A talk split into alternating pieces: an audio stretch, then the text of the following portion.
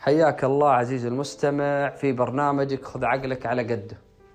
اليوم الحلقة الثانية راح نتكلم فيها عن الوعي.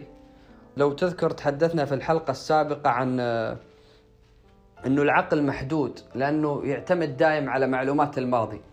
وشبهنا العقل بالطفل إنه العقل أحيانا ممكن يتخيل أشياء غير موجودة. يعني ممكن يتخيل آه، إنك تكون مقدم على هدف فيتخيل إنك خلاص أنت شعرت بال بالسعادة الكبرى وبعدين لما يحصل هدف ما تجد الشيء اللي تخيلته. وأحيانا تكون تخاف من إنك راح تنتهي أو يحصل دمار إذا الشيء هذا صار لك يعني الخوف. فيحصل الشيء هذا لك وتعدي المشكلة وما حصل لك الشيء اللي كنت خايف منه. فشبهنا العقل إنه مثل الطفل. والفرق بين الطفل وبين الشخص البالغ هو الإدراك والوعي. يعني لو مثلا قلت الطفل حط يدك في النار ممكن يحط يده لأنه ما وعى باقي. لكن لو قلت لشخص بالغ حط يدك في النار ما راح يحط يده في النار لأنه عنده وعي وعنده إدراك. فحتى نتجاوز العقل اللي قلنا إنه مثل الطفل لازم يكون عندنا إدراك ويكون عندنا وعي. الوعي هو ببساطة صمت الفكر. العقل مستمر وشغال 24 ساعة حتى وإحنا نايمين العقل شغال. فمن الطرق اللي نسيطر فيها كيف نقدر نسيطر على شيء هو شغال على طول مستمر فهو مسيطر علينا. لكن نسيطر على العقل إذا استطعنا نصمت الفكر. لما يصمت الفكر هنا تسيطر على العقل وتستخدم الاستخدام الفعال. ومن طرق صمت الفكر كيف طيب نصمت الفكر؟ في عدة طرق. الطريقة الأولى هي التأمل. جلسات التأمل جلسات الاسترخاء آه، جلسات اليوغا أو حصص اليوغا. من الطرق القوية جدا واللي شفت لها أثر كبير هو الخشوع في الصلاة. والخشوع في الصلاة يعني آه، يأخذك إلى أبعد. حتى أنا أشوف إنه أنا جربت التأمل وجربت الخشوع في الصلاة فشفت إنه الخشوع في الصلاة أعمق. لأنه يجتمع فيه الجانب الجسدي والجانب النفسي والجانب الروحاني. فالخشوع في الصلاة من أقوى ممارسات التأمل أو ممارسات صمت الفكر. كيفية الخشوع في الصلاة الخشوع في الصلاة هو أن تصمت الفكر وتركز على كل عمل تقوم به في الصلاة طبعا لما تقوم بالشيء هذا في البداية إيش اللي راح يصير؟ اللي راح يصير إنه العقل يحاول يسحبك. يعني لو قلت بسم الله إنك خلاص بتصلي فقلت الله أكبر راح تبدأ معك الأفكار وأكثر أفكار تجينا ترى وقت الصلاة.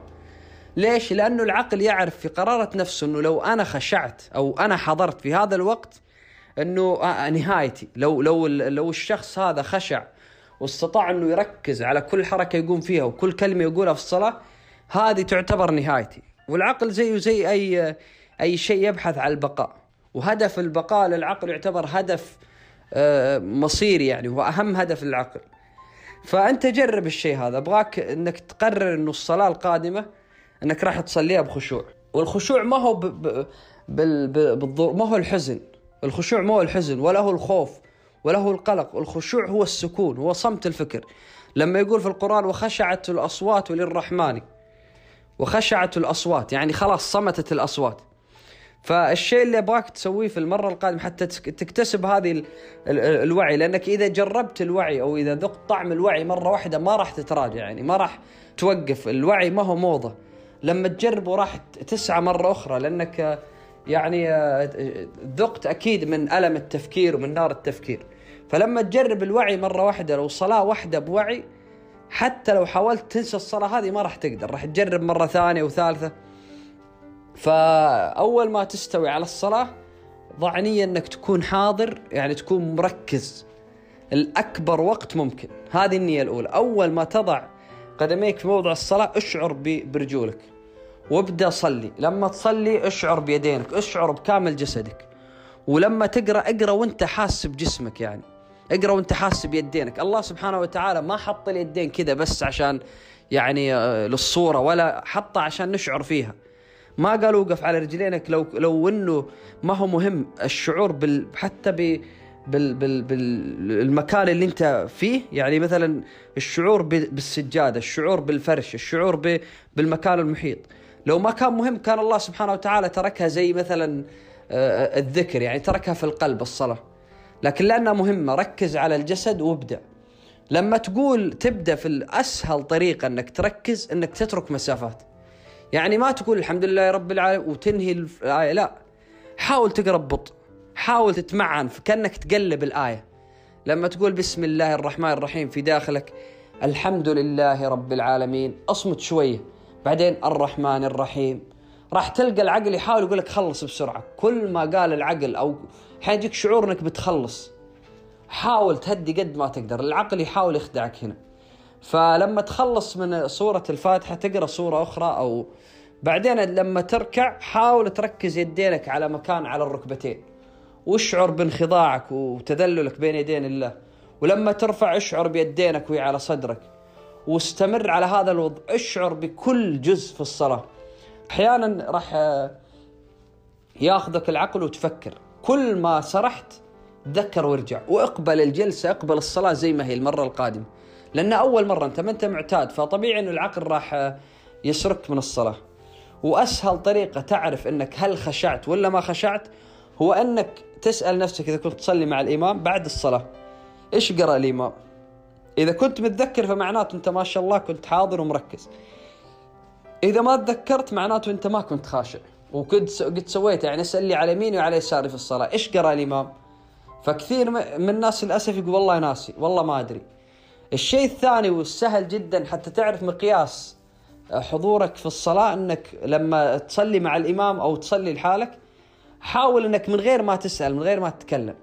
ولا تطول يعني في السالفة بس اشعر هذه الركعة رقم كم وبالذات الصلوات أربع أربع ركعات حاول تسأل نفسك أو تشعر بس هذه هل هي ولا تطول إذا ما كنت عارف عادي بس أنت عشان تعرف هل أنت خاشع ولا ما أنت خاشع طيب إيش فائدة الكلام هذا كله؟ فائدة الكلام هذا كله إنه لما تبدأ تصلي بوعي ولما تتأمل لما تمارس الممارسات هذه يصير عندك control على العقل، control على الفكرة. بحيث إنه لو جاء تخويف في المرة القادمة ما راح يسيطر عليك. لو جاء تهديد ما راح يسيطر عليك. لو جاتك فكرة غضب ما راح تسيطر عليك. راح تكون أنت المسيطر على العقل وراح تعرف كيف تاخذ عقلك على قده. راح تقل آه أهمية الرغبات في عينك يعني مثلا صح أنك راح ترغب في الأشياء وراح تحقق الأهداف بس الشيء اللي ما راح يصير أنه ما راح تكبرها يعني أكبر منك يعني مثلا ما راح إذا حققت الس... إذا اشتريت السيارة هذه راح أكون واو مبسوط. لا راح تكون عقلاني في الأمور هذه. لكن يبغى لك ممارسة باستمرار. جرب هذا التمرين اللي تكلمنا عنه. وفي تمرين يعني أسهل ويخليك تذوق اللحظة اللي هو التمرين إنه لما تقوم تغسل يدينك بالصابون حاول إنك تستشعر الصابون حاول تستنشق الرائحة. خليك مع مع نفس ال ال ال العملية هذه وركز في يدينك وركز في أصابعك وركز في الصابون وهو ويتخلل بين أصابعك. وشوف بعد ما تغسل يدينك شوف تحس إنك فعلا اغتسلت لأنك شعرت باللحظة الراهنة. كان هذا موضوع حلقتنا اليوم اللي هو تكلمنا فيه عن الوعي وتكلمنا عن أهم ممارسات الوعي بالنسبة لي اللي هي الخشوع في الصلاة. أتمنى تكونوا استفدتوا ونلقاكم في الحلقة القادمة بإذن الله.